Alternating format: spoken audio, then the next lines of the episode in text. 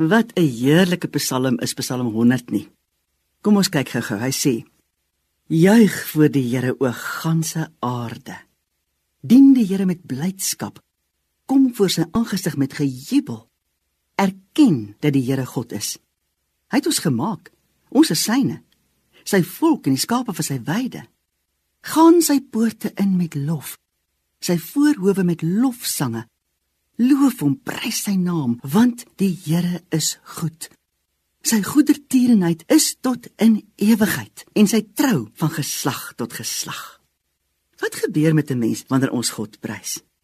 Wie ons begin om op hom te fokus en nie meer op onsself of ons probleme nie. Wanneer ons dit doen aan die hand van Psalm 100, word ons uitgedag om op te tree, dinge te sê en te doen wat ons dalk nog nooit oorweeg het nie. Stel jou voor om saam met die ganse aarde te juig voor God en tog as mens vroegoggend by hom gaan sit en jy hoor die voëls en jy sien die pragtige kleure van die nuwe dag, is dit nie presies wat mens doen nie.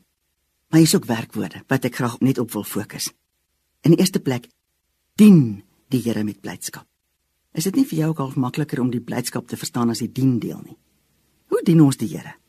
As ons wat doen, dien ons hom om hom op te soek in persoonlike tyd van stil wees.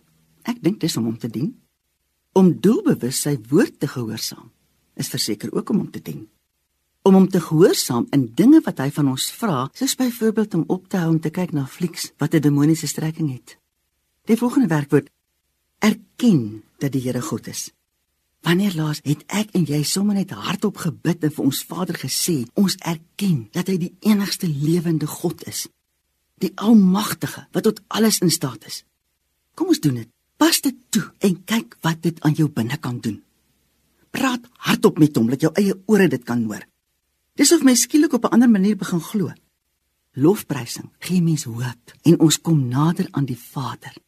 Dit stel ons in staat om heeltemal op ons eie in die gees sy poorte binne te gaan met lof. Dankie Vader dat ons kan erken U is God en ek kies om U te dien met lofprysing. Amen.